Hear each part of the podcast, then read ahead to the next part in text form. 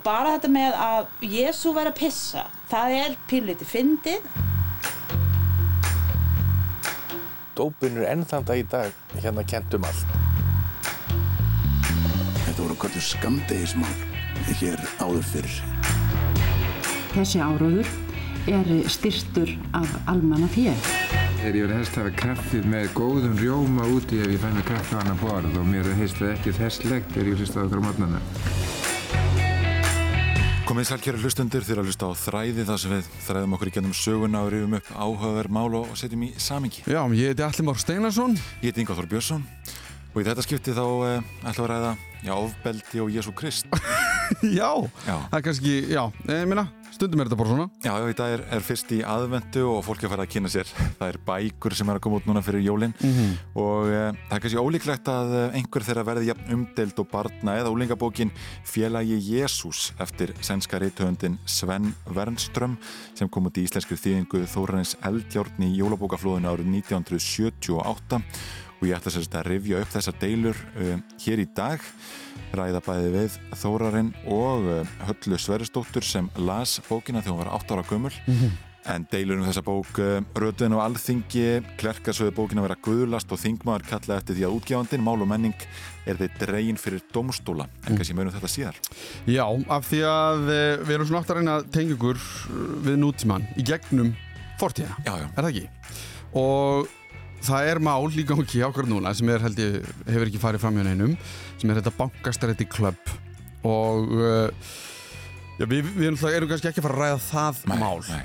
En það sem að hefur náttúrulega gerst er að það eru fyrirsagnir, nýr veruleiki og erum við að sjá fram á breyta tíma, er meiri ábyldi, allt þetta. Já, já, einmitt, og, og þetta herðu líka þegar við fórum með sögu bankaran á Íslandi eh, 1995, Já, þá voru þetta fyrirsættina líka Einmitt. nýri veruleiki og, og í skipulaðri brotastasemi já. Og ég rakst á mál sem að gerist 29. apríl 2001 þá er uh, einhvers konar uppgjör virðist vera á planinu á IR-heimilinu Mhm. í Breiðholti og ég er svona einhvern veginn ég fór í gegnum skýslur sá að í dægumála útarpinu var fjallað um þetta þá fór ég hans að grafast fyrir og við skulum byrja bara á því að heyra fréttina morgunin eftir að þessi skotarós á sér stað til þess að aðeins að setja okkur inn í málið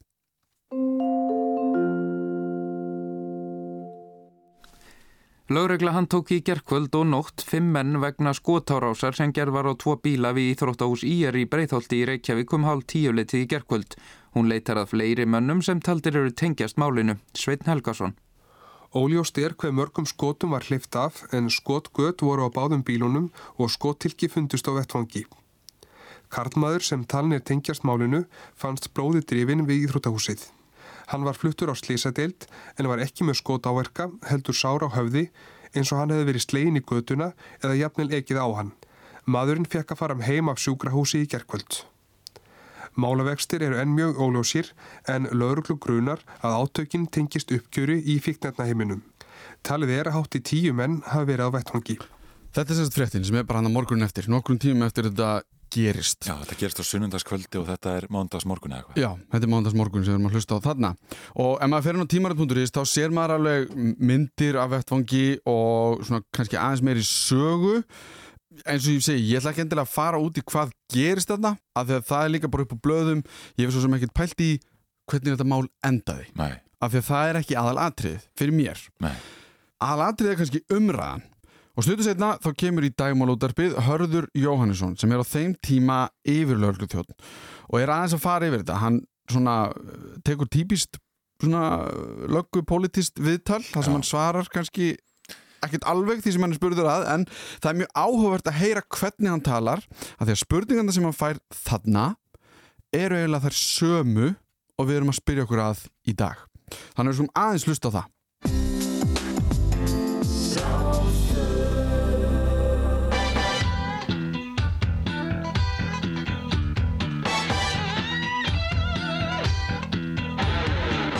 Stöggsettið að fólki þegar fregnir barust af skotbardaga við Íþróttasvæði IR í Breitholti í vikunni.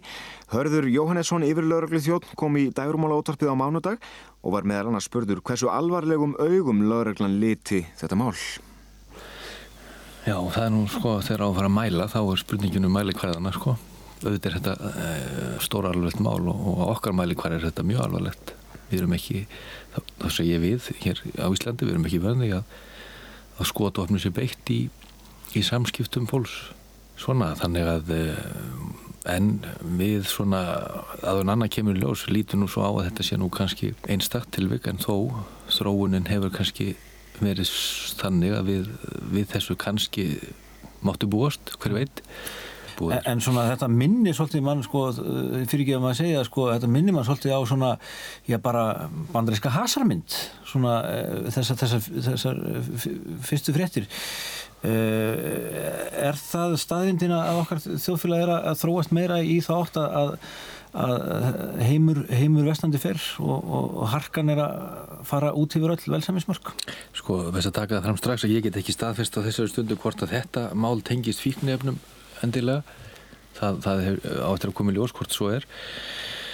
Hinn er ekki að neyta ef við höldum okkur við samt við fíknefnin að við höfum á liðnum árum uh, já, ítrekkað orði varir við vopn í umferð. Við höfum fundið vopn við húsleitir og um, jafnvel skotvopn. Bara eflir nýfa á skotvopn. En uh, eins og ég verið að tala um áðan þessa þróun að það, hún virðist verið þessa áttina. Nú það er talið, víst og við teljum okkur vita um það að það sé í þessum fíknirna heimi talsvært um ofbeldi og en það er hins vegar þannig að þeir sem fyrir því verða þeir snúa sér ekki til lauruglu því að þetta er stundum tengt, þeim viðskiptum og það er kröfur sem verður innhemdar þess aðeins að það er ekki hægt að innhemda þær með hefðbundu leiðum eins og eins og aðri myndi gera þannig að Það er ekki eitthvað á það að, að mönnum sé ógnað með skótfapnum í, í þessum heimi? Við, ég, við veit ekki, ég veit ekki til þess og get ekki staðfest það en, en, en ofbeldi og, og, og hótanir á ýmsu tægi já, höfum hef við teljum okkur vitum Til hvaða ráð er hægt að grýpa til að spórna við þessu? Það er nú kannski ekki að velta svara því. En uh, margi myndu erlust uh, já, komið uppástungur eins og, og lauruglumenn fær að bera vopn. Og er vantilega öryggi ykkar. Já, tölvist ógna þegar, þegar menn eru farnir að bera bissur í þessum heimi. Jú, jú, það er alveg rétt og, og, og, svona atvik náttúrulega veki alltaf upp þá umræði aftur og aftur hvað hvort Íslensk laurugla eiga, eiga vopnast. Ég held að það fyrir finnist engin þar sem hefur, hefur áhuga á því að, að það verði meginreglan Ég persónulega myndi ekki hafa, vilja hafa frumkvæða því að fara að ræða það í alvöru að, að vopna íslenska lörglu. Við höfum áhyggjur af því að e, það skuli vera þessi vaksandi markaður fyrir eitulif eins og til dæmis etöfluna vegna þess að það er markkópurinn ungt fólk og við höfum verulega áhyggjur af því að hvað, fólk, hvað þetta unga fólk sem við erum alltaf að, að, að tala svo vel um að, að það skuli vera svona skamsýnt að láta glebjast og, og, og prófa þetta já bara frambóðið eða já frambóðið af efnin er slíkt að, að það gefur okkur svona ástæðu til að ætla að það sé verilegu markaður. Því að þegar öll er á botning kvöld þá náttúrulega er þetta meir og minna viðskipta sjónamið hjá þessum, þessum karakterinu sem standa á bakvið þetta Er þetta stríð tapað reynlega? Maður, maður bara horfur í stundum í göfni sér og spyr hvað er til ráða því að nú eru er, ekki lengur einakuru eigi heldur hluti af, alltfjörluðu samfélagi og, og kannski megum okkur lítils í því. Er eitthvað sem við getum gert um? Ég held að við, ég myndi nú ekki orða þannig að stríði væri tapað því að við, við allavega ennþá og það kannski ræðist af smæðinni þjóðarinnar, við, við teljum okkur finna fyrir, fyrir svona fyrir því að, að, fólkið er með fólkið, fólkið er með lauruglun í þessu og yfirvöldum. Og meðan svo er það náttúrulega halda mér áfram að reyna að berjast gegn þessu. Það er eftir þetta verðt að tala þarna um uh, það að hann hafi ágjur af skamsíni unga fólksinn sem er að sama á við heyrum í dag. Já og uh, við heyrum líka af mögulegri vopnavæðingu, lauruglunar og við spyrjum okkur spurningunar er stríði tapað? Er þetta stríð gegn eitulifjum sem að núna kannski heitir stríð gegn skipulari glæpastar sem er það tapað? Já, er þetta breyttur veruleiki? Þetta er alltaf spurningin. Einmitt og sko mér langaði bara aðeins til að taka stöðuna 21 ári setna af því að þegar ég var að uh, hvað er að segja skoða fréttir og eitthvað svo leiðis í, í vikunni bara að þá voru eiginlega þessi orðatildæki notuð nýr veruleiki, þú veist, þetta er eitthvað sem að hann, það er vitnað í hann í öðru viðtali á þessum tíma. Það sem að hann segir að, að þetta er sjálfur sér einstaklega að þetta skuli gerast og hann segir svona nokkurnu en þarna. Já. ég ákvað bara að heyra í herði Jóhannesinni sem er núna hættur í lögunni hann er bara uh, hann njóta lífsins. Já, já, eins og eins og maður gerir. Og ég fekk alltaf að koma til mín og kannski svona horfa í baksinnspeilin með mér og meta hvað hefur gerst á þessu 21 ári Þetta aðtökan í breiðaldi, maður lesa svona kannski eins og af blada við tölum og svona. Markaði þetta einhver svona skil í kannski, heyrðu, það er eitthvað nýtt sem við erum að fara að eiga, eiga við? Þetta var ábyggilega með því fyrsta og sennilega það fyrsta þar sem að menn veitast að öðrum sko svona úti á, út á víðavangi og, og hleyfta fleiri en einu skoti, skilur við. Við erum ofta rekist á vopn sko í gegnum tíðina en þeir voru sjálfnast notuð og það er náttúrulega því miður til dæmum menn notuðu skotvopn til að, já, já, menn voru myrtir gamla, er svona áður fyrr. En þetta er fyrsta skipti ef ég man rétt það sem að bara, já, hleyftir af skotu, nokkru skotum bara út á víðavangi sko Mm. og, og, og menn áttu sér einski síl svona þannig þannig að þetta var svolítið nýtt, já. Sko fréttaflutningurinn í kjölfarið er smá einmitt, það fyrir náttúrulega einhverja vangavöldur í gang, hvað er í gangi aðna ég hugsaði einhvern veginn í orð Ágúst Bents og Rottalahundum. Reykjavík er ekki lengur lítil saklus borg sko. Já, þetta, sko, ég, játa, ég mani þetta ekki lengur hvernig þetta Nei. endaði, en einhvern veginn í minnunum finnst mér þetta hafi nú komið í ljós að þetta hafi nú ekki verið, eh, eða má orða það þannig, þetta hafi ekki verið stór alvarlegt, sko. Nei, Svo maður tala nú bara hrein íslensku, þetta voru einhverjir vittlýsingar að, að ógna einhverjum öðrum og, og einum hafi tekist að komast yfir byssu eitthvað staðar og Já. ég held mér þess að ekki allir í hópnum vita af því eða hvað, hvað þá, hvað, að það staði til að nota hana, sko já, já og staðsetningin var þetta ekki á einhverjum bílaplani menn ætlaði að hittast sko. Ég er heimilinu já eða þar já, Já. Og, og svo bara svo byrja mér eitthvað að en eins og ég segi, ég man þetta ekki en svo var bara frettað úr byssunni eitthvað og, og þá ringja menn og, og, og lagan fer á staðin Já. En viðtalið sem þú ferð í þarna í dægumála útarpinu, þar sem þú aðeins að tala um þetta á þeim tíma þá kannski getur ekki sagt mikið og það er bara eðlilegt. En þeir spyrja nokkra spurningar sem er verið að spyrja í dag. Það var alltaf dæmi gert svona embetsmanna viðtal sko. Já, já, segja, segja ekki dránt en heldur ekki mikið já, og þú veit að þá línum mjög vel. En eins og með sko vopnavæðingu lögreglunar að ég tók alveg eftir í viðtalinu þá varst þú ekki til í þá umræð eða þú veist, þig langaði ekki þá átt Nei, ég, ég hérna, ég sagði ábyggilega þá og, og, og var þeirra skoðunar að það væri, svo bara einfaldið þetta nú, að það væri ekki komið að því Mhm. að við þyrftum að gera það. Sko, þe- þegar er verið að skoða svona hvað lögreglan þarf, þá náttúrulega er nummer eitt, hvað þarf lögreglan að hafa til þess að geta rækt þau störf og þau verkefni sem henn eru falin. En eftir því sem að árin líða og þetta verður öðruvísi og harðara, þá þarf líka hugsa um að tryggja öryggi þeirra sem við þetta starfa. Þetta er alltaf er að breytast smátt og smátt en á þessum tíma voru ég allavega og, og fleiri ekki sannfærir um að það myndi breyta öllu þó að lögreglan fær að bera vopndagstælega. Við horfum svolítið til kollegana í, til dæmis í Breitlandi. Evrópa að öðru leiti var, var byrjuð að, menn voru byrjuðar að bera vopn. Mm. En við vorum ekki, við vorum ekki samfæður um að það, það væri nöðsynlegt til, fyrir okkur að rækja okkar daglegu störf að einkennisleita lauruglan Íslandi gengi vopnuð til daglegra verka. Vegna þess að við vorum, ef, ef við þyrftum á því að halda að nota vopn, þá vorum við með, með fyrirkomulag sem er enn í gildi, sem er sem sagt sérþjálfaður hópur Mhm. sem hættir að kalla út með einhver fyrirvara. Já, bara sérsveitin Sem við uh, kallum sérsveitin, já. Já, Og við notum hana mikið og, og ég, mér skilst að það sé gert enn, þannig nokkur án síðan ég hætti, en mér skilst að menn gerir það enn ef, ef þeir telja þörf á því. Og þá fyrst og hreinst til þess að uh, sem öryggistæki til að, til að tryggja öryggi lauruglumanna, en hugsanlega í einhverjum tilfengum til að yfirbuga mótróa af einhverju tægi eins og dæmin sanna. Það getur vel verið að þetta breytist og þetta er sem svona breytast og það sem hefur breyst frá því að þetta viðtal var tekið var það að nú er búið að færa byssurnar nær ef ég fer rétt með, að núna eru, getum sagt, vopn í öllum bílum. löggubílum Já. Já, langflestum. Þannig að ef þarf að- grípa til þeirra, þá er það fyrir minni tími í það. Það er eitthvað prósess sem þarf að fara í gang, heimild, Mhm. og tilkynna og opna og svona.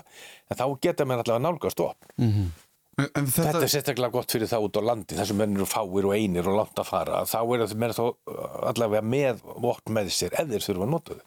að því að sko ég held að, að við bara, ef við tölum bara í dag og bara það sem er í gangi bara ákvörðat núna Já. þá er bara einhver fyrirsögn sem ég las áðan frá held í Karlsteinir þar sem hann talar um breyttan veruleika þannig að við erum ennþá daldið í þessari umræðu Já, já, en, en það, er, það er gildi líka ennþá það sem við sögðum þarna á þessum tíma. Mm. Við vorum byrjaðar að rekast á vopn í undurheimunum, en þeim var aldrei beint gegn okkur, það er að segja gegn lauruglinni. Við erum aldrei fyrir, það var aldrei verið að nota þetta gegn okkur. Þeir voru, menn voru að nota þetta svona tryggja sig hver gagvart öðrum, sko, í þessum, þessi voru í þessum undirheimum, eins og þetta var kallað. Þeir voru svolítið að bera vopn og menn voru að fara með nýfa á sér þeir fóru í bæin og, og aðrir voru með byssur og, og svona. Mhm. En þessu, þetta beindist ekki af okkur og hefur ekki gert það ennþá, svo ég muni. Þannig að það, það er hluti af, af skýringunni að menn svo, þetta er nú allt í lagi, við þurfum ekki. En hugsanlega endar þetta með því. finnst þér það líklegt að þetta endi með því að þetta, manni líður einhvern veginn eins og það þurfi eitt í viðbútt og þá sé punkturinn kom Já, en sko, já, já. Ég veit það ekki, það, það er sko, þetta snýst um þetta eins og ég sagði, Hva, hvað þurfum við til, a, til að rækja okkar störf dagstælega og hvað þurfum við til að tryggja öryggi okkar. Það sem gerist, eins og þetta sem ert að vísa til, þetta nýja mál hérna, eða þessi gæjar með byssunar og eitthvað svona, eins og ég segi, þetta beinist kannski ekki að okkur, fyrir fyrstilega núna þessar fréttir af, af þessum uh, gæjum hérna. Já. Spurningin er sko, vitandi það að lauruglumenn eh, eru vopnaðir dagstæðlega, breytir það ykkur? Ég meina, eru menn ekki að ráfast hver á annan óháð því? Og menn geta ráðist á einstakar lauruglumenn eða á hóp lauruglumanna í frítímanum, þannig að þetta er, þetta er, svo, er svo marga hliðar á þessu. Já. Og ég er engin sérfræðingur í því, en Nei. ég bara veit það að þetta, eru hlutinni sem menn er að skoða. Svo erum við ekki að gleyma hinu náttúrulega, það er, það er náttúrulega allt annar, allt önnur samsetning á hópnum sem myndar laurugluliðin í dag heldur en var fyrir 30-40 árum 20-30-40 árum önnur viðhorf hvernig þá? Eða, það, ég meina, í, í kallandin í gamla dag voru ekkert spenntir fyrir því að vera vopnaðir já, já. og ef ég tilheyrið þeim hópi þá, þá var ég ekkert spenntur fyrir því í dag eh, kannski er annað viðhorf uppi en menn eru samt ábyrgir og menn er að velta þessu fyrir sér og, og, og eins og ég segi það þarf að raukstiða það vel því að, því að hérna, það er nú lítið gagn af manni sem að, sem að hérna, hann fara alltaf að þrýfa upp bissu og hann er ekki, ekki, ekki snertan í svo vikum eða, eða mánuðum að ég bel árum skiptir. Sérsveitin, þetta eru strákar sem að æfa það, það sér valið inn þetta. Þetta eru menn með, með, með, með sko tögakerfið í lægi og, og vel þjálfaðir og, og, og svona og kunna að fara með þetta og skjóta svo og svo mikið á hverju ári. Mhm. þannig að þeir eru, þeir eru í æfingu sko. Já, já. Ég hef ekkert viljað fara í útköll í gamla daga með, með sumum mínum gamlu vinnufélagum og, eiga allt inn fara að rífa upp byssu og skjóta. af því það eru hvað 21 ár síðan að þetta í bregðaltunum gerist Mhm. hefur lauruglu starfið orðið bara hættulegra með árunum. Þú fæði nú bara mjög sem svör við því eftir hvernig þú spyrð sko. já það er ekki tilfinningin einhvern veginn að þetta sé alltaf að verða ég, einhvern veginn. ég get, ég endur tekið þess að ég sagði áðan, mér finnst sko á meðan þetta hefur ekki beinst að lauruglunni og þá get aðri sagt já en, en það, það er á seint að gera það þegar það er búið sko, en lögðu þið skjóta fyrsta lauruglumannin og þá náttúrulega er það á seint. Mhm. en eins og ég segi ef að sko, ég, ég er engin talsmaður hvorugs, ég er Nei, bara velt upp þessum möguleikum sko, ef einhver vittlýsingur ætlar að skjóta einhvern þá er hann ekkit endilega veltaði fyrir sér hvort að hann er með byssuna í beltinu eða, eða, eða hvað, ef, hann, ef hann ætlar sér það. Fræðingarnir geta ábyggilega svara því sko hv- hvaða þýðingu þetta hefur. Mhm. Sérstu, vopnaður lauruglum, það er ákveðin, ákveðin svona fælni fólkin í því þú, og þegar maður er í útlandum og sér þungvopnaður lauruglum en hvort sem er á flugstöðum eða bara ég var bara nýra á Spáni um daginn og, og fór inn á bar og þar voru bara tveir, eða þrý spænskir að fá sér kaffi og þeir voru vopnaðir sko. Mhm. það er aldrei svona og svona, ups, þá hugsaði maður ok, já, þetta voru bara ungir og fríski menn sko. Við hérna í Reykjavík að ég, það hefur verið mín skoðan lengi að það er, það er alveg ekki komið að því að við þurfum að gera það. En hvað með þetta, af því að ég held að sé Sveit Guðmarsson sem spyrði þig þetta stríð gegn eitulifum í þessu viðtali. Mm. og meina, það er eitthvað fyrirbæri sem við höfum heyrt um lengi. Og það eru, það eru núna 21 ár síðan hann spyrði þessari spurningu. Já. og mann er líður eins og það hafi ekkert sérstaklega mikið breyst. Jável, ennþá meiri peningar komur inn í þetta og ennþá meiri ofbeldi og einhvern veginn. Allar sem við sjáum. Sko, og nú er stríð gegn skipulaðri glæpastar sem ég mm. Nixon kom fyrst með stríði fyrir, ég veit ekki hvað mörg 50 árum síðan. Mm. og nú ætla ekki að láta þið taka afstöðu nákvæmlega til þessa en þú vannst í lauruglunni í þessu svo kallega stríði manni líður utanakomandi eins og þetta sé ekki stríð sem vinnist nokkur tíma. Hvort þessi skipuleg glæparstarfsemi eða fíknefni eða það hefur ekkert breyst að því leiti það, það er sama í gangi við hjá lauruglunni í Reykjavík. Gerðum breytingu svo eru menn núna bæði pólitíkus og ræðir að tala eitthvað um og að, að afglæpa væða einhverja neyslu skamta Meina, það eru, það eru komið yfir 20 ár síðan við hættum að leggja áherslu á það Já, bara, bara bara búin að gleyma því. Já. við breyttum systeminu 97-8 og ég byrjaði þarna í Reykjavík 98 þá fórum við að leggja alla áhersluna á innflutning og dreifingu. Við vorum ekkert að eldar við þessa, þessa neyslu skamta skilur við heldur við, við eittum orkun eða notuðum orkun í það að, djöblast í því. En það komið þarna upp á árabilinu frá 98 til 2003 eða 2004, ég veit ekki hvað kom upp mörg mál sem voru stóra fíknefnamáli og skútumáli og allt þetta við lögðum allt í það. Svo er einhverju stjórnmálumenn í dag að slá sér til rittar og tala um að, að, að, snúa sér að hinum og, og sleppa þessum ræflum sem, er, sem, er, sem eru háður þessum efnum. Það verður bara að svara því sem eru við ráða þessu núna. Ég, ég, hérna, við vorum ekki að leggja miklu áherslu á, á hérna, neyslu skamtana. Það sjálfsögðu voruð í teknir við, við rákust á þá. En, en fíknarvendildin eins og hún var skipulöð og rannsóðdildin í minni tíð hún, hún snýrist um sko innflutning og dreifingu. Sko málið er það við, við stjórnum þess ekki, við ráðum þess ekki. Nei, nei.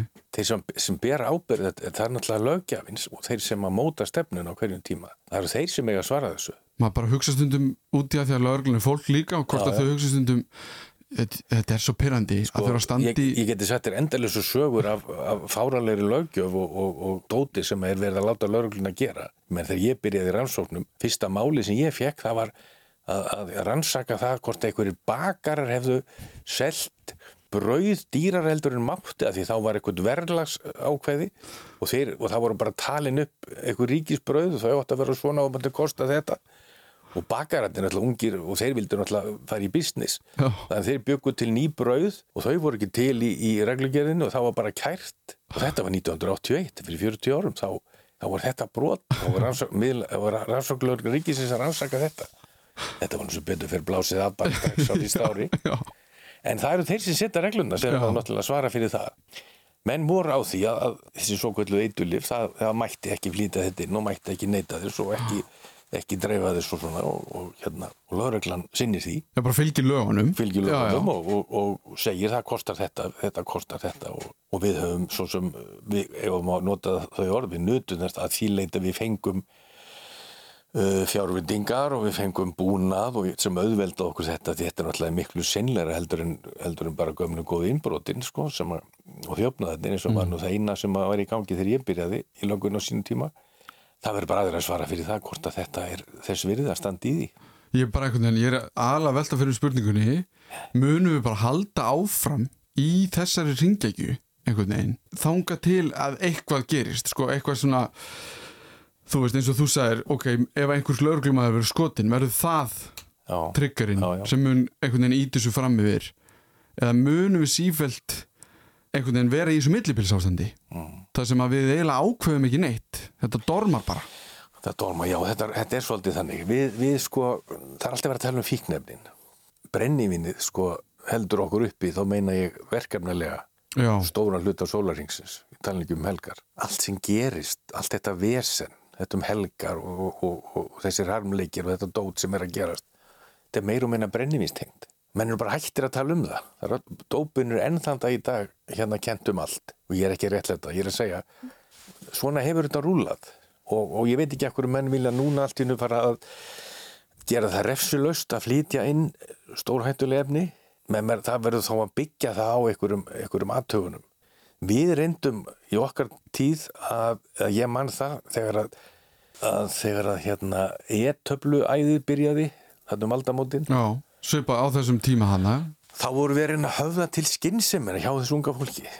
Við, við sem vorum að tala í fjölmilum og vorum að segja, heyrðu, þetta er eitthvað drastli með framleitt í einhverjum bílskúrum ef ekki sur í, einhver staðar sur í Úkrænu eða, Mm. eða austur í, í hérna Ístrasvært London eða einhver staðar þar og þú veist ekkert hvað er í þessu. Og, og, og þú kaupir þetta af einhverjum sem þú veist ekkert hver er og þú getur þetta.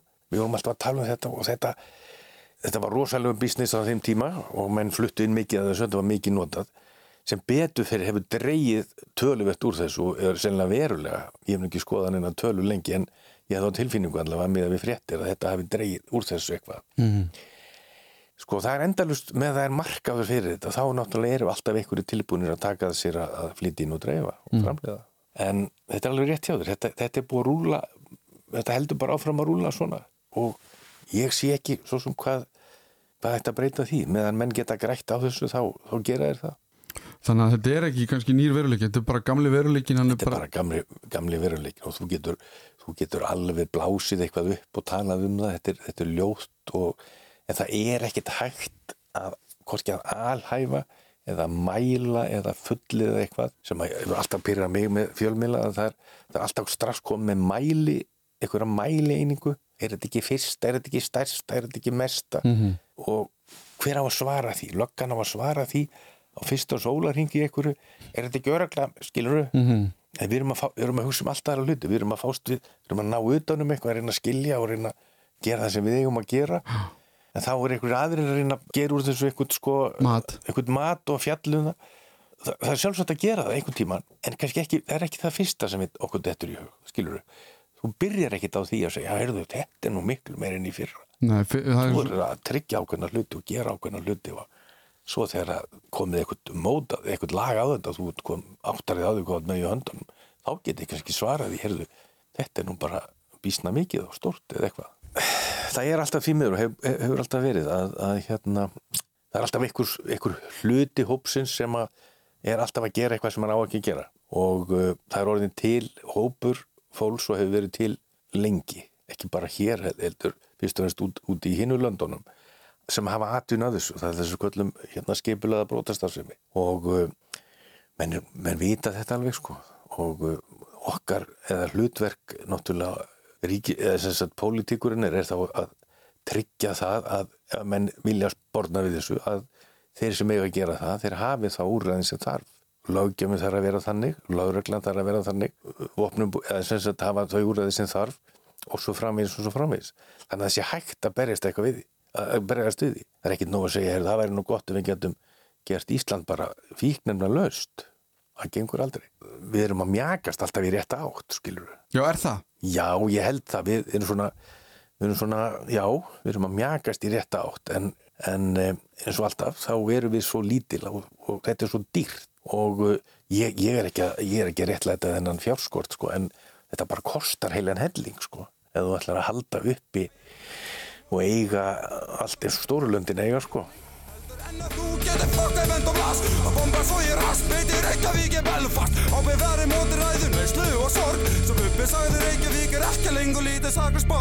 Já, þetta var Haraldur Jóhannesson sem var í viðtali fyrir 21 ári og aftur núna aðeins að, að fara yfir þetta.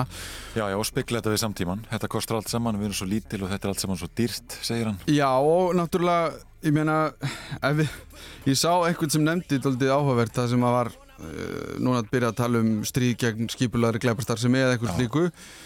Það hefur náttúrulega verið í gangi í mjög langan tíma út um allt. Já, já, já, já. og til þess að gera það þá þarf mjög mikla peninga. Og nú þegar erum við að tala um að það vanti peninga inn í laurugluna og ýmislegt, sko, eins og hann nefndi kannski aðeins. Það, ef að litla Ísland ákveður þetta allt í innu þá kannski er það ekkert að fara að breyta einhverju það, við, við, kannski er sjálfströst Íslendingana oft það mikið að við höldum að þegar við mætum að þá loksins getur þetta lagast sko. Já, það er spurninga, það er alltaf margt áhört sem að sagði. Já, mjög margt og hérna aðalega náttúrulega bara að þetta er ekkert nýr raunveruleiki Nei, að, það er spurningin, sko. Þú veist, að því leiti að kannski það er ekkert að umturnast þú veist, við, hérna umræðinum um vopn, vopnavæðingu lauruglunar stríð gegn fíknjöfnum það er ekkert nýr raunveruleik Nei, og eins og við hefum komast að hérna í þráðum þá, þá erum við alltaf að tala um sömu hlutina og förum í ringi Pínu? Já. Það er vill oft vera sko. En, en hérna, það er alltaf áhört að velta þessu fyrir sér og, og líka kannski hérna, bara sérstaklega í samingi við það sem er bara í gangi ákvörðat núna. Já, já. en þú hins vegar allar ekki að tala um sérstaklega mikið ofbeldi Nei Þú ætlar aðeins að og koma þó, okkur já, og Þú þó, ætlar já. að koma okkur yfir á aðeins svona kristilegri, jólalegri nótur Já, já, einmitt, einmitt. Það er náttúrulega fyrst í, í aðvendu í dag. Eh, við erum svona að komast í jólastemmingu hérna, bæða á rástöðu og bara, og við persónulega held ég. Já, já, verður maður ekki aðeins að setja sig í gýrin Einmitt, og eins og við nefndum við náðan þá er fólk svona að fara að kynna sér þær bækur sem kom út núna fyrir jólin en einmitt ólíklegt að einhver verði jafn umdeld og barnabókin Félagi Jésús eftir sænskari töfundin Sven Wernström sem kom út í íslenska þýningu Þórarins Eldjáttn í jólabókaflóðun árið 1978 mikið delt um þessa bók deilur sem rötuðin á alþingi. Klerkasöðu bókin að vera guðlast. Þingmaða kallaði eftir því að, útgefandin er dregin fyrir dómstóla. En Wernström var sem sagt mikill sósialisti og nálgæðist Jésu til tillega óheðbundin hátt svona einhverju leita allavega og tólkaði Krist sem eh, rótækan byltingaleitu að mjög mennskan breyskan einhverju leitu og líflegan karakter að berjast gegn kúun og yfirráðum valdastjættarinnar og eh, ég fór upp á, á þjóðabóklu í gær og, og sótti bókina og er með hana hérna. Já. og maður skilur alveg að bókina hafi verið umdelt á þessum tíma, það hafi verið að lýsa timbruðum lærisveinum eh, samband Krists og, og Marju Magdalenu eh, virðist vera kynfyrirslegt Mhm. í þessari bók uh, og, uh, og það fannst mörgum líklega ekki, ekki við hæfi. En bókin Rók seldist og þetta var mál, málana í aðdraðanda jólana hann 1978 eins og vel má heyra í morgun þættinum morgun postinum sem vaknaði með hlustendum ríkis útafsins á þessum tíma og í þættinum 11. desember þá rættu um svona mennir Páll Heiðar Jónsson og Sigmar B. Haugsson við Þröst Ólásson, framkvæmdastjóra máls og menninga um bókina og einnig síðar í þættinum við Stengrim Hermansson sem það var Dóms, kirkju og landbúnaðaráðara soon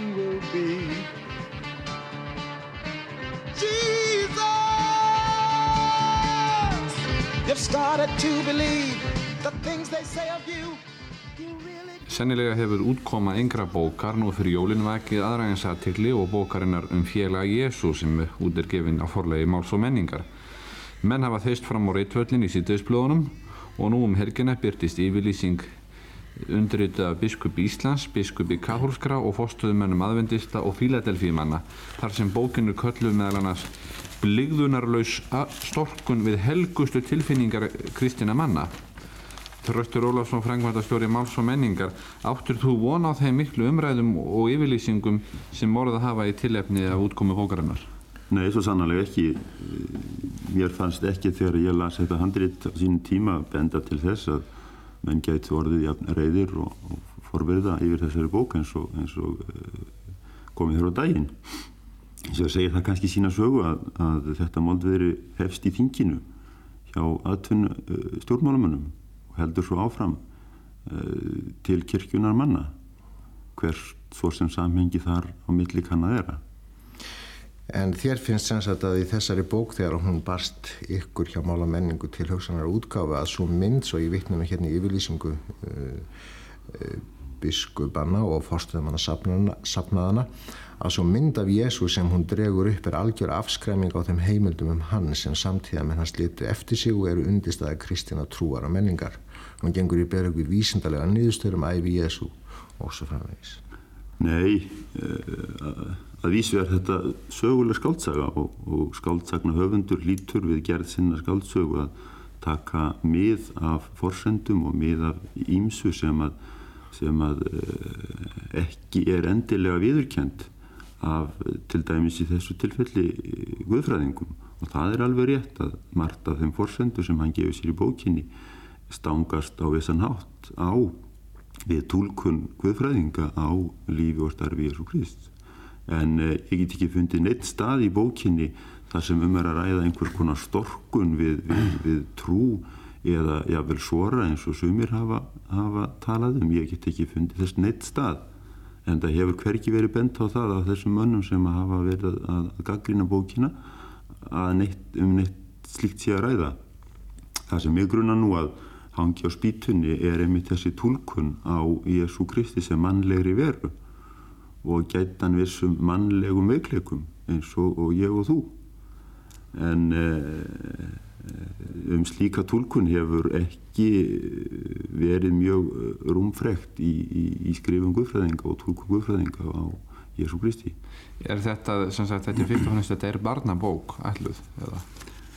Ég hygg að hún sé skrifuð sem barnabók en það er ekki rétt hjá kirkjuletónum að við höfum auglýstana sem slíka. Og enn uh, rángara hjá þeim að við höfum auglýstana mikið því við höfum nánast ekki auglýstana neitt. Það hafa aðri séð um það. Já, hefur salan ekki mjög góð? Jó, eftir að Ragnhildur fór að auglýsa bókina fyrir okkur þá, þá hefur hún selst mjög vel. Það sem aður fundi meðal annars og var í þessum umræðum á þinginu hvað svo sem líður og efni bókarinn að þröstur er það að útgáfa, útkoma hennar og útgáfa hér á landi styrt á norrana uh, þýðingasjónum eða menningasjónum hver, hver mikið fengu þið þannig, hver mikið fengu þið hjá mála menningu í styrk til að gefa bókin út? E, það er miðað við það að e, svona bækur það er e, við fáum styrk miðað við það sem það kostar að þýða þær. Og það er mat þeirra sem að veita þennan styrk mér minnir að þessi bók hafi hafi verið metinn eitthvað á 5.000 danskar krónur þetta borga það fyrir þýðingun á henni. Ég hef ekki verið svona næra að nota þessa peninga til að þýða einhverja aðra bók. Nú eru svona, skildi maður ætla ymsar aðrar bækur sem hafa komið út á Norðurlöndun sem eru, já, áhugaverðar en þessi. Það má eflust fullir það svo sé og, og þetta, þó að þetta sé skemmtileg saga þá er þetta ekki það merkilega bóka, það hljóta að vera til margar merkilegri sem kom út á Norðurlöndum. Það hefur mikið verið ræðið skrifað um bókina og ég má til að vitna hérna í tíman. Bókaskræðið þessum félagi Jésu er þýtt á Íslandsmálum fjárhastlegum stuðningin Norranna þýðingasjónum. Þeirri stofnur að sjálfsögðarhaldi gangandi fyrir tilstyrk þeirra skatta sem kristin almenningar Norðurlundum vinnur fyrir en hálærði menningarspekulandar ráðslega síðan með þetta fjö og stjórnum þeirra ber merki þeirra lítilsverðingar og alþjóðinu sem þessu útgáfa sínur svo berlega. Þetta sínir kannski meira en margt annað að þarna er á, á ferðinni pólitísmál fyrst og fremst því að e, það er eins með þessa grein og ímsar aðra það kemur ekki negin tilvittnun í neina einustu línu í bókinni þar sem að þessi sannfaring og þessi trú er særð. Það er semst engin yðrun að merkja þér að heyra Þröstur Ólafsson? Ekki fyrir en að ég sé að það svart á kvítu og mér er, mér er sínt það hvernig þessi bók særir tilfinninga og trúa líf almennings í landinu.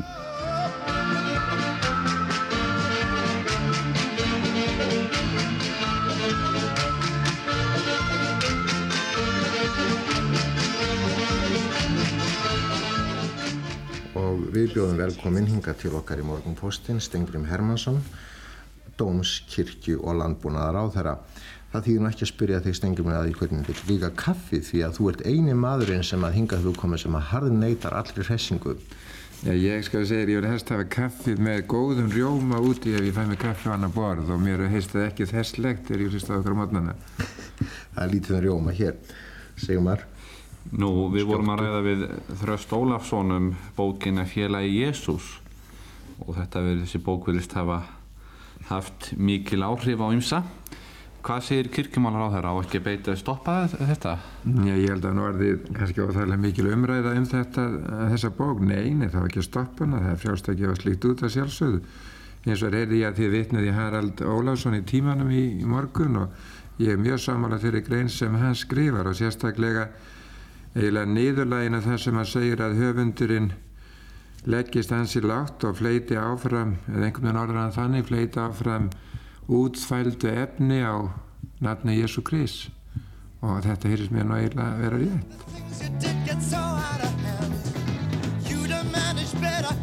Það sitt síns hverjum í þessu máli. það er svolítið þannig Já. og e, Stengriði nefnir þarna að, að, að það sé frjálst að gefa þetta út en svona útfælt efni á nafni Jésús Krist Eh, Já, þetta er náttúrulega, sko, við, þetta er náttúrulega alltaf eitthvað sem tengins trú á eftir að vera viðkvæmt Já. í umræðu.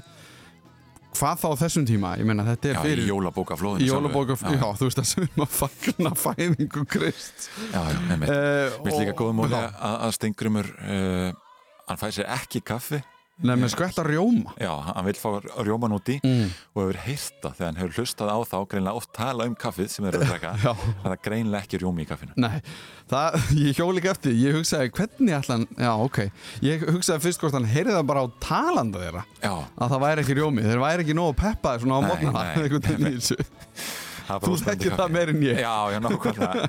En þetta er einn, eh, já, fyrst svona morgun þátturinn sem var hérna. Mm. Eh, það var hann eh, Páll Heiðar Jónsson sem var stýrið þættinum. Mhm.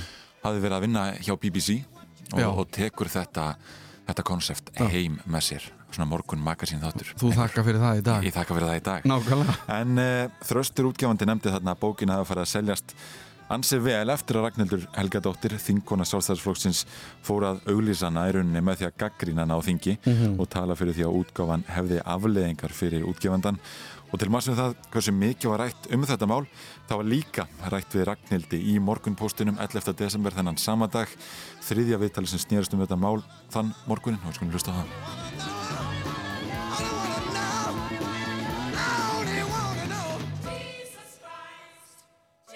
En það hefur nú tæmlega ekki verið ætlunum Ragnhildur þegar þú hóst máls á alþingi á bókinni að hjálpa mála menningu til að selja hverið.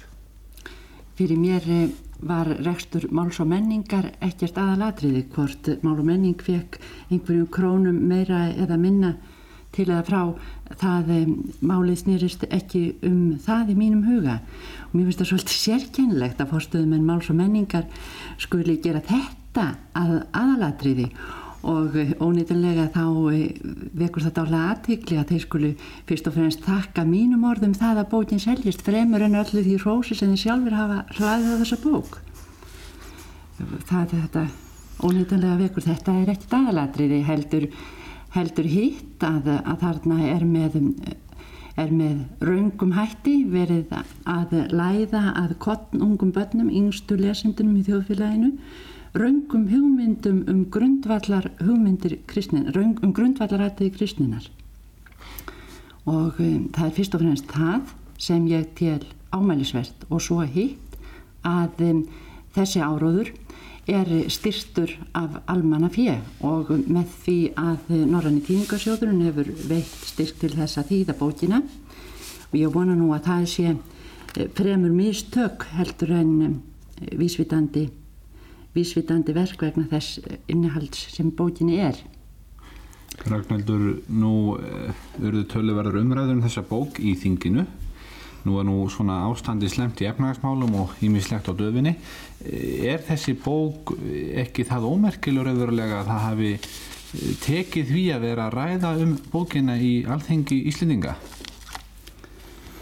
Ef bókin er svo ómerkileg þá vekur það náttúrulega óneitinlega aðtegli hver mjög aðstandendur hennar taka það nærri sér að ótínt húsmóður út í bæ eins og ég leifi sér að gaggrína bókina þó svo að viðkomandi húsmóður eigi sæti á alþingi.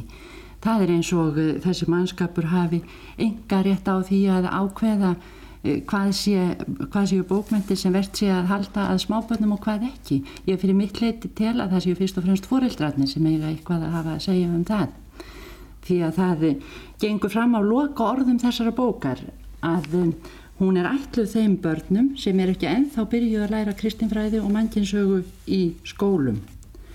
Ef menn er að neyslast á því að það sé rætt um þetta mál, þegar efnagasmál þjóðarinnar er á dagskrá, þá vil ég nú e, láti ljós þá skoðin mína að ég tel nú að, að e, friðhelgi barnana hafi ekki minni þýðingu heldur en það til hvaða skatta er gripið til þess að standa undir þessum fjárlögum sem er að reyna að koma í gegn núna. Þetta er orðið aldrei persónlegt, finnst manni. Já. Ótínd húsmóðir að hún sé að tjá sig um þetta, þetta er orðið svona aldrei, þetta er þess að stefnir í eitthvað mjög svona erfitt samtal. Já, þetta er mikla deilur en, Mm. en hún var náttúrulega þingona þarna og átti eftir að verða mentamálar á þeirra og heilbriðismálar á þeirra og tryggingamálar á þeirra. Mhm. Já, já, hún hafði mikla vikt í samfélaginu þessum tíma. Algjörlega, þess vegna finnst mér svo áhugavert að hún sé einhvern veginn að tala um sig sem ótínda húsmóðir sko, að, að, að einhver ótínd húsmóðir sem eigi sætt og alþingi sé að tjá sig um þetta okkur eru þau svona reyðir við því? Já, já. mér finnst það bara svona allt í hennu orðið smá það, það kom svona bit í þetta sko, sem að ég er aldrei spenntu fyrir að sjá hvernig, hvernig munið þróast. Og nefnir þetta líka að bókin sé allir börnum sem eru enn ekki farin að læra kristnifræði í skólunum mm -hmm. sem uh, Þröstur Ólafsson saði nú ekkit endilega vera. Eða mjög áherslu að maður lesa hérna loka orðin í bókinni. Já, eh, ég voni ég sé ekki að bókina fyrir mörgum Nei, nei, ég, ég, ég held nú ekki. En uh, hér segir á síðustu blaðsíðin að kristindómurinn varð voldur og dreifðust um allan heim allir sem trúði ekki á sögurnum Jésu og ósýnilega guðin hlutu refsingu. En við ætlum ekki að fara að segja frá svo leiðinlegum hlutum hér. Þú færð áræðanlega að heyra um það í skólanum þegar þú byrjar að lesa kristinfræði og, og mannkinsögu þannig að, að höfundi bókarana finnst það allavega finnst þessi hefðbundna nálgun leiðinleg. Já, Já. Það eru kannski nýjir tímar í bókaákvæðu, nýjir veruleiki. Nýjir veruleiki bókaákvæðu, það ekki. Já, af því að ég hugsa bara í dag, væri þetta eitthvað? Já, ég veit það ekki. Og það er einhvað sem ég spyrir mitt næstu viðmælandur um. Það var Þóraðin Eldjátt sem þýtti bókin, hann var búsettur í Svíþjóð og þekkti því stefnur og ströma þar, en ég hitti Þóraðin og spurði hann hvers vegna hann hefði ákveðið að þýða bókina. Það kom nú þannig til að ég uh, vissi vel af þessum höfundi að hann skrifaði um, margar barnabækur svona fyrir börn á ýmsum aldri og, og sumar mjög skemmtilegar.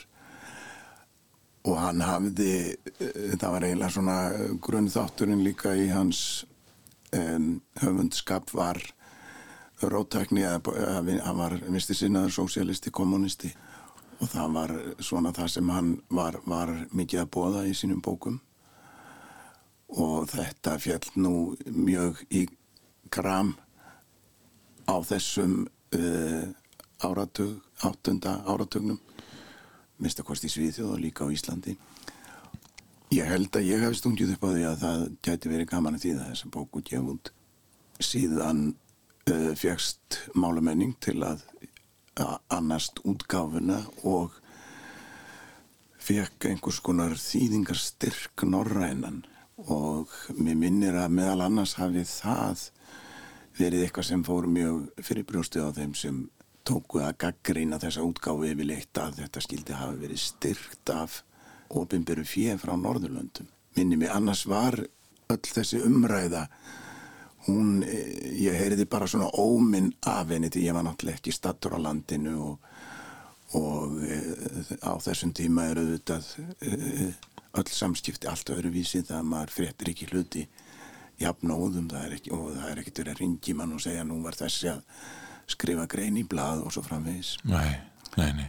En hvers vegna heldur að bókin hafi verið svona umdelt var Jésús síndur þarna á allt annan hátt en áður hafður ekki hægt Nei, alls ekki. Þetta er, það má segja að það að taka fyrir þessa sögu af, af uh, frelsarannum þetta er einlega sjálfstæð bókmyndagrein og það er fjölmargir öfundar sem hafa skrifað uh, sögulega skáldsögur og, og jafnveg ljóðabálka þar sem farið er í sögman á þessari sögu hans og gengið út frá því að gera hann að manni, mm. fyrst og næst að manni það með sér til íslensk bók eftir sér að Gunnar Bendisson sem kom út að ég held uh, 30 eitthvað, uh, ég manna reyndir ekki alveg en hún heitir Æfisaga Jésu frá Nazaret og sér að Gunnar var, var kommunisti eða sosialisti hann, hann sem sagt um,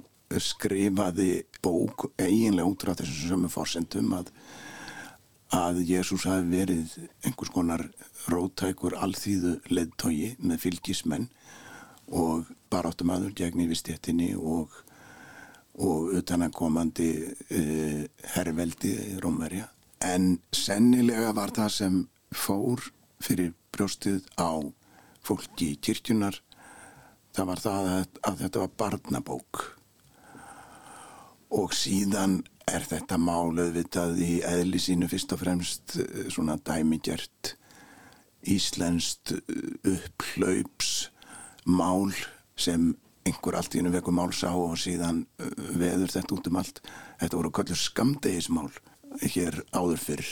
Nú er tímatinn breyttir þannig að það er kannski eitt skamdegismál á dag nú orðið en öll eru þau sama ellis að það er upplaup, ríkur upp í topp og allir brjálast og svo lippast það niður, dettu niður engin veitir raun og veru um hvað máli snýrist. Nei, en þarna er rauninni þjóðkirkjan sjálfur sem aukvöldals fyrir aðtikla á, á bókinni. Já, já, og þar með er auðvitað uh, þetta klassíska sem gerist alltaf í slíkum málum að þeir sem hafa þessar áhyggjur og vekja aðtikli á einhverju sem sé stórhættulegt og, og ólöglegt og, og beita eh, aðferðum sem að auðvitað er ekkit annað en atlaga að, að rítfrelsi og, og skoðanafrelsi. Það er þeirra viðbröð sem verða fyrst og fremst til þess að þetta hættulega efni fær útbreðslu og um þetta eru náttúrulega ótal uh, síkild dæmi kannski það uh, stærsta og afdreifaríkasta og hryllilegasta er auðvitað allaga uh, klerkaveldisins í Íran að Salman Rushdie Já. sem ekki sé fyrir endan á ennþá. Nei, einmitt. Hann auðvitað var mjög þekktur höfundur áður en hann varð algjörlega og fullkomlega heimsfrægur fyrir þeirra tilstilli En þannig talar eh, þingmaður sjálfstæðisflokksins fyrir því að draga í útgefandan fyrir domstóla og nefndi kvöðurlast og einmitt ákvaðum um vendun þjóðkirkjunar. Sko var einhver sem reyndi að draga þig fyrir domstóla vegna þessa mál? Speindist mikil reyði að þér personulega? Ég varð ekkit var við það.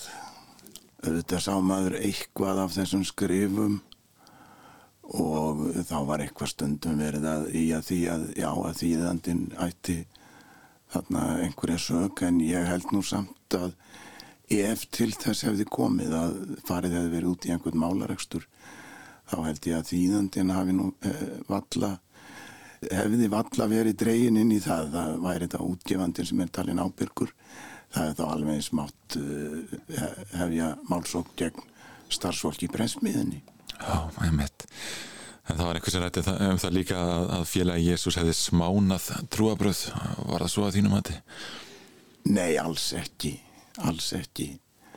Þetta veit maður aldrei hvernig, eh, hvernig slíkt gengur í fólk og, og vissulega minnum ég að í bókinni þá eru atriði sem eru sett fram svona til að augra dálítið.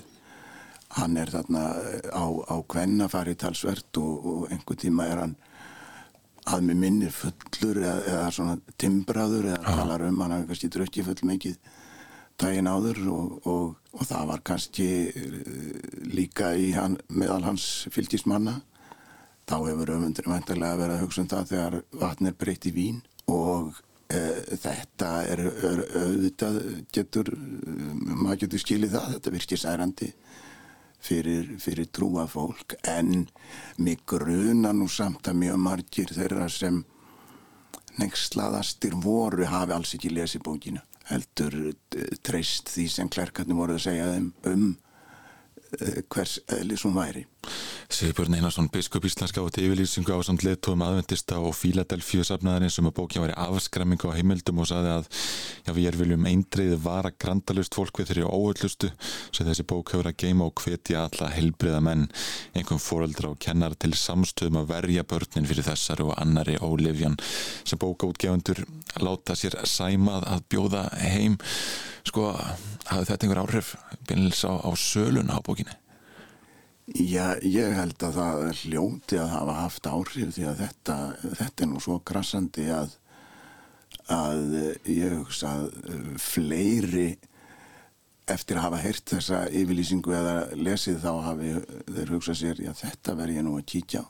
Þannig er eitthvað virkilega spennand að ferðinni frekar, frekar en að það sé tekið alvarlega að þetta sé svona yfirkengilega hættulegt. En ég man nú eftir að einhver staðar sá ég skrifað í þessu samhengi að þetta væri nú dálítið merkilegt því að sennilega hefði þetta kannski í fyrsta skipti gerst að, að sameina bæði katholsku kyrkjuna og, og lútastrúa menn á Íslandi og einhver einhver orðaði það þannig að kannski mætti segja að þarna hafi heið úlfgráa höfuð Jóns Arasonar jafnvel gróið fast aftur á búkinn ég man ekki hvað, hvað ég sá þetta en, en mér finnst það vel orðað og, og þetta var til að sameina kirkjunar menn en ég held að það var aldrei orðið neitt úr neittni málsókn eða slíku enda. Veit ég ekkert hvernig það hefði farið? Jú það er sjálfsagt, það var í lögum einhver ákveðum guður last en hvað er það? Uh, ég man ekki betur en Jésu hans persóna uh, hann er tekinn mjög jákvæðum tökum. Uh, hann er, hann er skoðanabróðir höfundarins gerður að byltingamanni og þjóðfrelsis baráttumanni þetta er auðvitað á dögum Vietnamstríðsins og þannig að, að ég, ég veit ég sé ekki alveg lastið liggur þá kannski í því að, að það er verið að taka mann sem að fyrir mörgum er, er heilagur og, og ígildi guðs og að láta hann hafa ymsa mannlega eiginleika og þá ekki síður bresti sem að uh, öllum mönnum eru sameigilegir að einhverju mæli. Þannig að, að ég get ómögulega að sé að það sem einhver guðlast og það sama er auðvitað upp á teiningunum í öllum þessum bókum sem hafa verið skrifaðar í sama anda sem til að reyna að átta sig á, á uh, persónunni og setja hann í ekkert sögulegt og mannlegt samhengi. Já, en heldur að viðbröðin eru þau allt önnur í dag ef bók sem þessi kem út? Já, ég held það nú. Ég held að um, þetta myndi ekki gerast að minnstakost ekki að það kemur stórar yfirlýsingar frá, frá trúarleðtogum og að eruðu umræður á alþingi. Ég man að að Vilmundur Gilvarsson skólabröðu minn, hann var hérna sem tók þátt í þessum umræðum ég man að hann sagði mér að hann hefði vittnað í því samengi í Jón Helgarsson ef allt þetta fólk færi í gullsölum himnana gist sem gerir sér farum að nutta sér utan í krist þá hlýtur að vakna svo spurning hvort mikil sé mist þó maður að lokum hafni í annari vist. En svo uh, hafði þetta mál bara sinn gang það, það reys og neig og rann síðan einhvern veginn út í sandin og ég man það að um, foreldra mínir höfðu á tímabili nokkrar áhyggjur af þessu vegna sinna stöðu en, en þau letu mér nú ekkert vinna fyrir því. Og ég held að, að það var nú eitthvað um það að það væri dreyið inn í að, að þýðandin væri, væri sonur fórsettans og, og eitthvað var lagt út af því á einhverjum stöðum. En löngu síðar þegar þetta var alveg stein hægt að vera efni í stólræður hjá öllum prestum landsins eins og mér skýrst að hef verið. Þá sagði pappi mér frá því að hann hefði verið að lusta útvarpið og þá var messa og það var einhver pókaprestur mörgum mánuðum síðar sem að var enn að fjallum þetta hann hefur kannski tekið óvart vittlösa ræðu þegar hann fór í útvarpið. En eftir alla þennan tíma þá, þá var það dreyið fram og þá ortan vísu sem er svona líklegt er að margir menn muni hafa brosað. Er félaga Jésu eitt sinn en upp í stól var tósað en svo rann þetta mál bara algjörlega sína leið og er núna bara einhver partur af, af skrítin í sögu sem að hefur þá kannski mest með rittfrelsi og, og skoðanafrelsi að gera og svona sem dæmisaga að það þarf alltaf að standa á verði á, á þeim vettvangi Það er alltaf gaman að hlusta á Þóran Eldjátt að fara með ljóð. Já, já, skamdegismál sem saminaði kirkjunar mennsaðan. Já, sem myndi kannski vera einn dagur Einmitt. í dag. En eh, eins og við hefum nefnt hérna áðan þá átti bókin að vera fyrir börn, eh, eldri börn eða úlinga, kannski að einhverju leiti óljóst og ég rætti líka við Höllu Sverrisdóttur Þýðanda sem las bókin á sínum tíma þá 8 ára gömul. Mm, mér minnir að mér hefði bara aðla fundist hún mjög skemmtileg. Hún var pínu svona, ég ætla ekki að segja djörf af því að uh, það er kannski ekki alveg rétt að orði en það voru þarna myndir af til dæmis, það, það var þarna myndir, mynd af, af frelsaranum og Marju Magdalenu upp í rúmi og hún er bera ofan og hann er svona næstum því, næstum því alveg ber og það er mjög augljóst hvað þau eru að gera og þetta var svona mjög intím, alls ekki dónalegt en augljóslega bara mjög intím moment. Mér minni nú að þetta, þessi mynd og þessi súsena hafa nú einmitt verið eitt af því sem að fór svolítið fyrir brjóstið á klerkaveldinu í, á Íslandi á 8. áratögnum ég var, að gaman að bóku sem gerist í gamla það og það var ekkert sérstaklega það að þetta væri einhver biblíubók sem það eiginlega kvorki fældi mig inn í laðaði að bókinni. Mér fannst biblíusögur bara skemmtilegar eins og hverjir aðrar sögur meira gaman að vísu að bláu bókinni heldur en þeirri bleiku í, í skólunum af því að þessi bláa var um gamla testamenti það gerðist miklu meira krassandi þar en ég, svona, ég þekkti að mér fannst gaman í biblíusögutípunum og ég þekkti þessar sögur. Og svona þekkti undan og ofan af, af hérna, þessum sögum sem að en þetta var náttúrulega nýnálgun og hann kemur hérna sem alltaf eru þessi persóna, það er engin helgisleipja, það er engin fjarlagð og þetta er í rauninni bara spennandi saga. Og hún er skemmtileg og, og lífleg og ekkert óskaplega laung og mér finnst þetta bara mjög skemmtileg bók. Já, og hafði bókin áhrif á hugmyndir þínar um, um, um Krist, Jésu og Jólin og allt þetta? Mm, ekki svo mikið Jólin. Ekki, það breytti búa litlu um það hvort að ég var ekkert að, ólst ekkert upp á neitt sérstaklega uh, trúrætnu heimili. Uh, smá svona konflikt ekki þannig en svona tókstur þetta millir fóröldur minna, annað er að rakin trúleysingi og yfirlistur hitt svona mm, smá svag fyrir svolítið saman en þú veist aldrei neitt sem að var eitthvað issue og við vorum ekkert að spá neitt mikið í, í þetta allt saman. Þannig að það hafði ekkert volað mikil áhrif á það. Það hafði, hafði áhrif á bókin hafði áhrif á hugmyndina eða hvernig mér fannst gaman að velta fyrir mér fígurunni Jésu og ég held að það hefði skilað sér svolítið áfram til fullarinsarna þegar ég fór að svona agrúska í alls konar hlutum. Eins og trúleysingar gera gætna þá finnst, okkur finnst mér gaman að lesa um trú og mér finnst áhugavert hvernig trúin og, og byrtingamyndi hennar hafa áhrif á samfélagið. Og kristmyndin er auðvitað þar náttúrulega bara mjög ríkjandi, hún er mjög sterk. Og hugmyndirnar sem við gerum okkur um krist.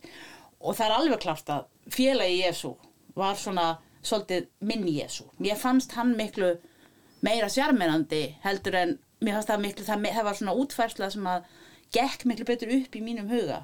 Af því að hún hafði þessa hjartengingu og hún hafði þessa þessi beinu tengsl við eitthvað sem að mér fannst skipta máli eins og til dæmis bara byltingar alþýðunar og, og annað slíkt sem er auðvitað bara mjög áhugavert. Hvort sem var alltaf að verða byltingar fór ekki sjálfur eða ekki. Nei, nei nákvæmlega. En þetta er kannski mörguleiti til dæla óheðbundin barna og úlingabók Já, hún var það kannski að mörguleiti en við meðum samt ekki gleyma því að þetta, hún kemur út á tíma þegar það var í rauninni verið að gera barna og úlingabækur upp á nýtt. Það var svolítið verið að fram að þessu hefðu börn og unglingar svona einna helst geta fengið að, að lesa Einit Blæton og, og hérna sögur um Íslands börn í sveit og svo kemur Guðrun Helgadóttir og býr til bæ, sögur um bækum börn í borg og börn í dag og börn í karakterar sem börn þekktu úr sína eigin hverstasliði á sama tíma og það tala náttúrulega beint inn í þessa svona sem hefur stundu verið kallað þessi skandinaviski sosialrealismi og það var mjög mikið af þeim bókum koma út í þýðingum í íslensku þýðingu á þessum tíma. Og í, á mínu bensku heimili var það bara þannig að sko ef það var barna eða unglingabók eftir skandinaviskan höfund sem var aðgengilega á íslensku þá var okkur réttum það var mjög mikið, það barst mjög mikið þessum bókum inn á heimilið, það var annarkvæmt keiftar eða teknar á bókasamninu og þetta, var, þetta var mjög, mjög, mjög nýrtótt almennt sem var verið að slá í bókmyndum fyrir börn og unglinga. Þannig að þýlit til þessi bók er ekkert mikið svona öðruvísi heldur en aðrar bækur í þeirri það sem er náttúrulega öðruvísi við þannig er að hún fjallar um, um þetta stóra svona minni í kristinni til kristinni trú sem að er auðvitað mjög djart hjá venstrum að gera og setur Krist í alveg nýtt hlutverk sem er þetta hlutverk byltingafóringjans og þetta þessa svona setur upp þessa, dregur upp þessa svona óskaplega mennsku mynd á hann. Já, já. Í samhengi þessa tíma þá var ekki einu sinni neitt brjálæðislega vogað af mál og menningu að gefa hann út. Hún talaði bara beint inn í orðræðu bæði í öllum bókmyndum og barna og unglingabókum á 18. áratögnum.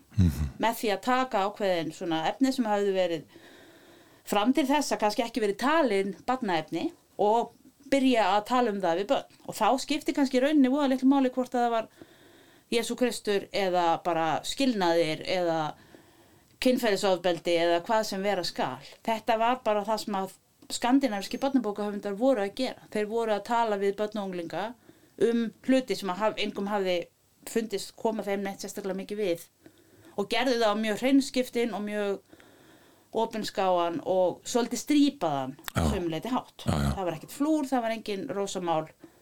Ég man eftir einum einu sem að hérna, mér aftur að fyndið og það var þegar hérna, og skemmtilegt, það er allir mis að það svona er eftirminnilegt að það er einhver, einhver sena í bókinu þar sem að þar sem að Jésús fer afsýðis með, ég held að hafi verið Pétur og þeir pissa í kross. Og bara þetta með að Jésú var að pissa það er pínlítið fyndið af því að þetta er Jésú og meira sér börn sem álust ekki upp á neins, við neins konar trúrækni vissu að Jésú var heilagur og heilagt fólk er ekkert mikið að pissa þannig að það er svona fyndið sjálfur sér. Og það svona þetta jarð tengir Jésús einhvern veginn í þessum svona mennska heimi. Alveg eins og þegar hann og Marja Magdalena liggja í famlögum og, og er bara, og Jésú er bara drullu pyrraður yfir því að það sé alltaf verið að trubla það er eitthvað fólk að reyðjast inn til þér og segja maður verið að koma og hann er bara að gera eitthvað annað og nennir þessu ekki. Ég veit ekki hvað viðtökur þessi bók fengi dag. Ég held að hann myndi enginn hafa neinar sérstakar ágjör af henni.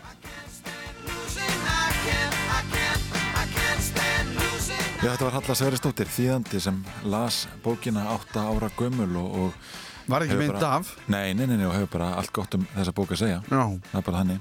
Mér fannst alltaf gaman það sem hún var að segja með Jésu að pissa í kross og Já, það gerir fólk mjög mannlegt. Eila, sko, ég vissi ekki að það myndi gera Nei, neitt svona mannlega eins og bara raun bara vitni, sko, ég var að hlusta á þetta. Einmitt. En bókin seldist upp, uh, hún er svo aldrei endurútgefin og kannski má velta fyrir sig hvort að fórlægi hafi metið það svo að, að það veri lægi að gefa bókin út einu sinni. Mhm. uh, svo aldrei aftur veri ekki að augra um of Já, mögulega. en hún er á þjóðbókluðinni Hún er á þjóðbókleginni þannig að fólk uh, Þú er kannski með ég með, eina. hana, ég er með eina eintakin núna. En uh, það, ég finn á skilinni Já, mjög gott. En við komumst ekki lengra í þetta skiptið. Nei, við erum í jóla og áramóta þátt núna næsta sunnudag. Já, það er síðasti þátturinn í þessari serju af þráðum. Já, þetta nálgast allt okkur efni á rúf.is í hlæðasveitum og, og hvar sem þið viljið Nákvæmlega. Þá getur næst, heyrumst!